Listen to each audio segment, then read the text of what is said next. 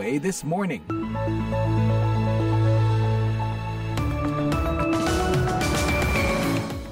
Hey, selamat pagi. Welcome to VOA This Morning. Kami siarkan langsung dari Studio 17 VOA di Washington DC bersama saya Rifan Dwi Astono. Hari ini hari yang sibuk bagi wartawan di Washington DC karena mantan Presiden Amerika Serikat Donald Trump menjalani sidang dakwaannya sore tadi di pengadilan Washington. Kami punya update beritanya untuk Anda. Tapi selain itu, tentunya di hari Jumat tanggal 4 Agustus ini, redaksi VOA juga sudah menyiapkan serangkaian berita hangat lainnya. Di antaranya, Gedung Putih mengamati dengan seksama kudeta di Niger. Ce 26 juillet 2023. Kami pasukan pertahanan dan keamanan bersatu sebagai Dewan Nasional Penjaga Negara CNSP memutuskan untuk mengakhiri rezim. Presiden Joko Widodo kembali menjajal layanan kereta LRT Jabodebek hari Kamis setelah ramai diberitakan terdapat kesalahan desain.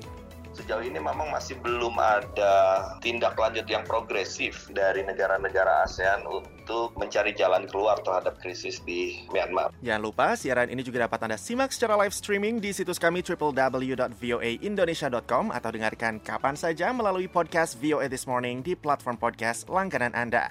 Sekarang kita simak dulu berita dunia pagi ini. Mantan Presiden Amerika Serikat Donald Trump pada hari Kamis mengaku tidak bersalah atas sejumlah dakwaan bersejarah yang menuduhnya memimpin persekongkolan jahat untuk berusaha menipu warga Amerika dengan membatalkan hasil pemilu Amerika 2020. Trump yang merupakan kandidat capres Amerika 2024 unggulan dari kubu Partai Republik mengajukan pernyataan tidak bersalahnya dalam sidang dakwaan di pengadilan Washington, di mana sebelumnya ratusan pendukungnya sendiri telah difonis bersalah dan dijatuhi hukuman atas peran mereka dalam serangan ke gedung Kongres Amerika pada 6 Januari dua tahun lalu. Tidak bersalah, kata Trump setelah Hakim Moksila Upadhyaya membacakan dakwaan-dakwaannya serta ancaman hukuman penjara maksimum dalam berkas dakwaan setebal 45 halaman yang diajukan jaksa khusus Jack Smith. Di sekitar gedung pengadilan, awak media memenuhi trotoar. Wisatawan dan sejumlah kecil pengunjuk rasa juga turut hadir di lokasi, termasuk media Benjamin. Well, we feel like this is a good day for democracy because if somebody commits crimes like pretending they won an election when they didn't or supporting an uprising like January 6th. Media mengatakan kami merasa ini adalah hari yang baik untuk demokrasi karena seseorang melakukan tindak kejahatan, misalnya berpura-pura memenangkan pemilu padahal tidak, hingga mendukung pemberontakan seperti peristiwa 6 Januari. Mereka harus mempertanggungjawabkannya, ungkap media. Tuduhan bahwa Trump dan enam konspirator yang tidak disebutkan namanya berencana untuk membatalkan pemilu adalah kasus pidana paling serius yang mengancam kansnya untuk kembali ke Gedung Putih. Menteri Luar Negeri Amerika Serikat Anthony Blinken pada hari Kamis mendesak semua negara anggota PBB untuk memberitahu Rusia agar berhenti menggunakan Laut Hitam sebagai alat pemerasan setelah negara itu keluar dari kesepakatan yang memungkinkan Ukraina mengirim secara aman pasokan biji-bijian ke pasar dunia. Cukup jangan lagi menggunakan laut hitam sebagai alat pemerasan. Cukup, jangan lagi menjadikan orang-orang paling rentan di dunia sebagai alat tawar. Cukup untuk perang yang tidak dapat dibenarkan ini, katanya di hadapan ke-15 anggota badan PBB yang sedang membahas isu kelaparan dan kerawanan pangan akibat konflik. Rusia bulan lalu keluar dari sebuah kesepakatan yang telah mengizinkan ekspor biji-bijian Ukraina melalui Laut Hitam secara aman selama setahun terakhir. Kesepakatan yang dimediasi PBB dan Turki itu bertujuan untuk meringankan krisis pangan dunia menyusul invasi Rusia ke Ukraina.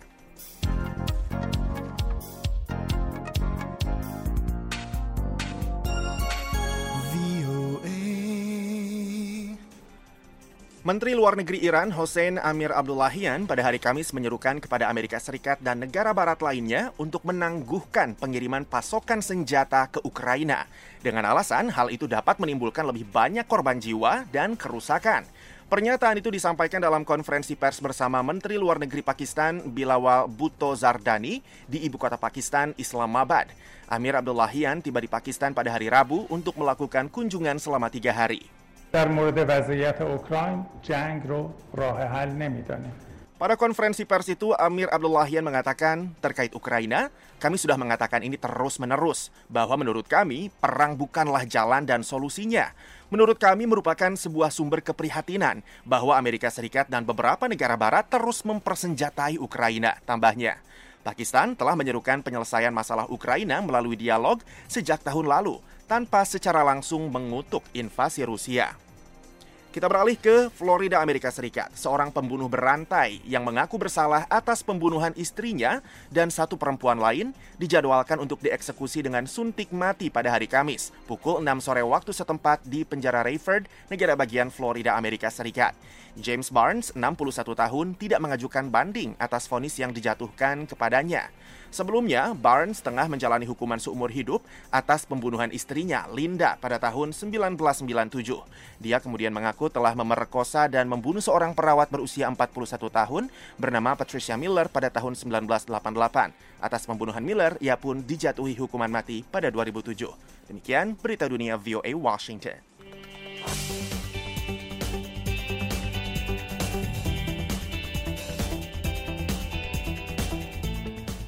VOA This Morning, pendengar Gedung Putih mengamati dengan seksama kudeta di Niger. Sementara Kedutaan Besar Amerika Serikat di ibu kota Niamey bersiap mengevakuasi staf mereka dari negara di Afrika Barat itu.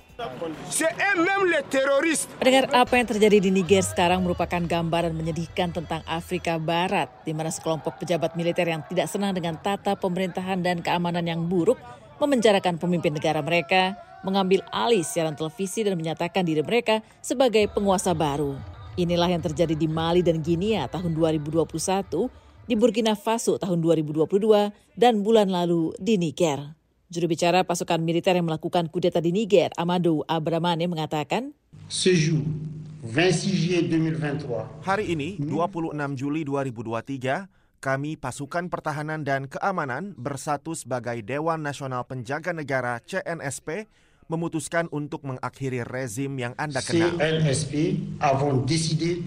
Namun di luar apa yang terlihat di depan mata, kudeta di Niger berbeda.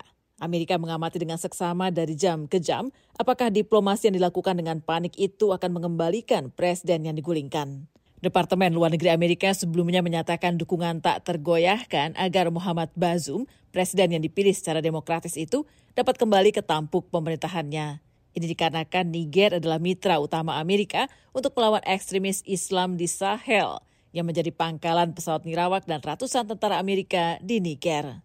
Minggu ini, VOA berbicara dengan Duta Besar Niger untuk Amerika, Mamadou Kiari Liman Tingguri, tentang situasi di negara itu. Less than two weeks ago, Kurang dari dua minggu lalu, ada tim militer kami yang bertemu dengan pihak berwenang Amerika.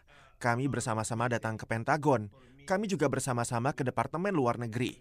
Seminggu kemudian, semuanya memburuk. Ini benar-benar tidak masuk akal. Sebagian analis mencatat wilayah yang rapuh namun kaya akan sumber daya itu juga menjadi incaran negara-negara besar lainnya.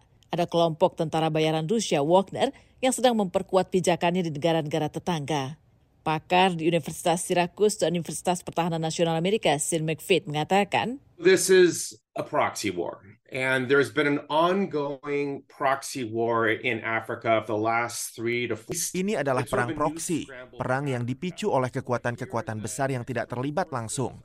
Dan perang proksi ini berlangsung di Afrika setidaknya selama 3 sampai 5 tahun terakhir. Departemen Luar Negeri Amerika mengaku belum melihat bukti bahwa tentara bayaran Rusia terlibat dalam kekisruhan di Niger tetapi mengatakan mereka mungkin akan berupaya memanfaatkan ketidakstabilan situasi di negara itu. Juru bicara Departemen Luar Negeri Matthew Miller mengatakan, I would not be surprised to see Wagner attempt to exploit their own advantage. Saya tidak akan kaget melihat Wagner mencoba mengeksploitasi situasi ini untuk keuntungan mereka sendiri. Badan Regional ECOWAS bahkan memberi tenggat hingga hari Minggu kepada para pemimpin kudeta untuk mengembalikan presiden ke posisinya semula, serta mengancam akan menggunakan kekerasan jika mereka tidak mematuhinya.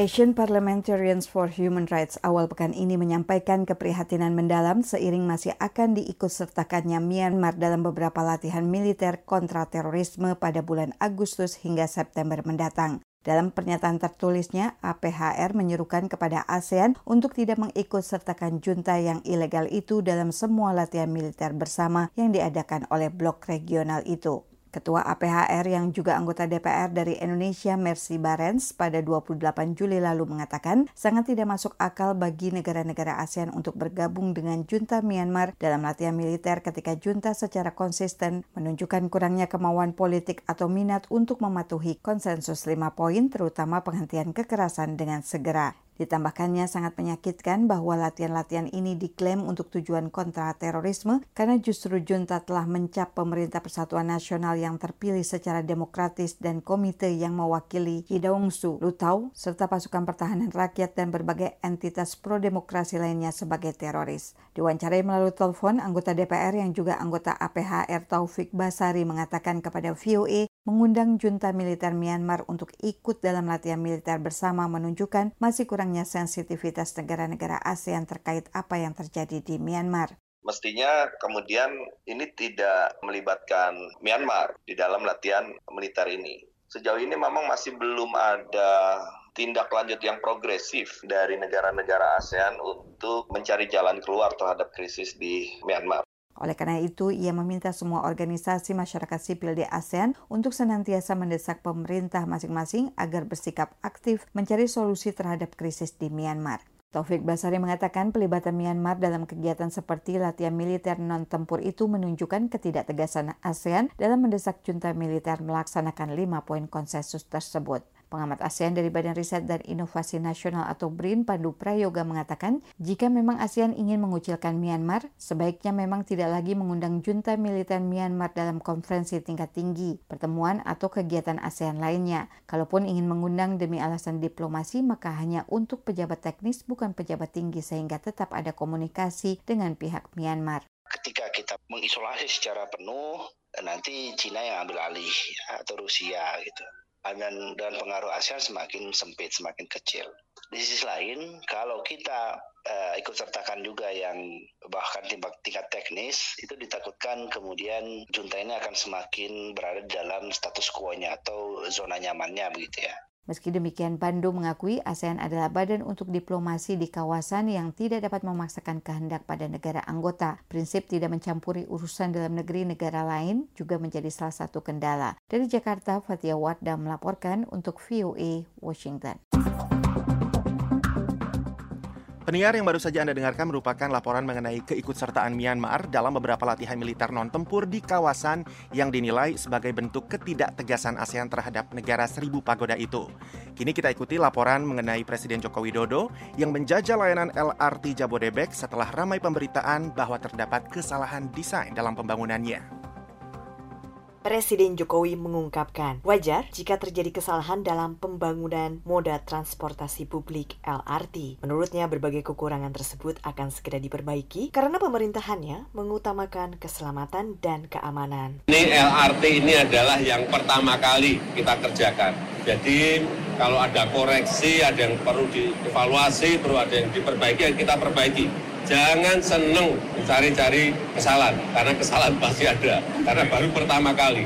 Dan ini adalah produksi Inka. Konstruksinya juga dikerjakan oleh kita sendiri semuanya oleh kita sendiri. Jadi kalau ada kurang-kurang ya harus kita maklumi tetapi kita perbaiki. Ia pun membantah anggapan dari sejumlah pihak yang mengatakan bahwa perencanaan pembangunan LRT tidak matang Jokowi menegaskan bahwa dinamika di lapangan pasti akan terjadi sehingga permasalahan kerap muncul. Jokowi pun berharap LRT Jabodebek ini bisa dibangun terus hingga menjangkau ke kota-kota penyangga Jakarta seperti Bogor, Bekasi, Depok hingga Tangerang. Jokowi sendiri mengatakan ia tidak memiliki keluhan saat menjajal LRT Jabodebek. Sebelumnya, Wakil Menteri BUMN Kartika Wiryo Atmojo membeberkan sejumlah permasalahan dalam pembangunan LRT ini. Seperti dikutip dari kompas.com, wamen BUMN yang akrab dipanggil Tiko ini mengungkapkan terdapat kesalahan desain pada bagian jembatan rel lengkung atau longspan di Kuningan, Jakarta Selatan. Menurutnya hal tersebut membuat kereta LRT Jabodebek bergerak melambat saat melewati tikungan. Wakil Ketua Bidang Pemberdayaan dan Penguatan Wilayah Masyarakat Transportasi Indonesia Pusat, Joko Setijowarno, sependapat dengan apa yang dikatakan oleh Jokowi bahwa proses pembangunan sebuah moda transportasi publik untuk menjadi sempurna membutuhkan waktu.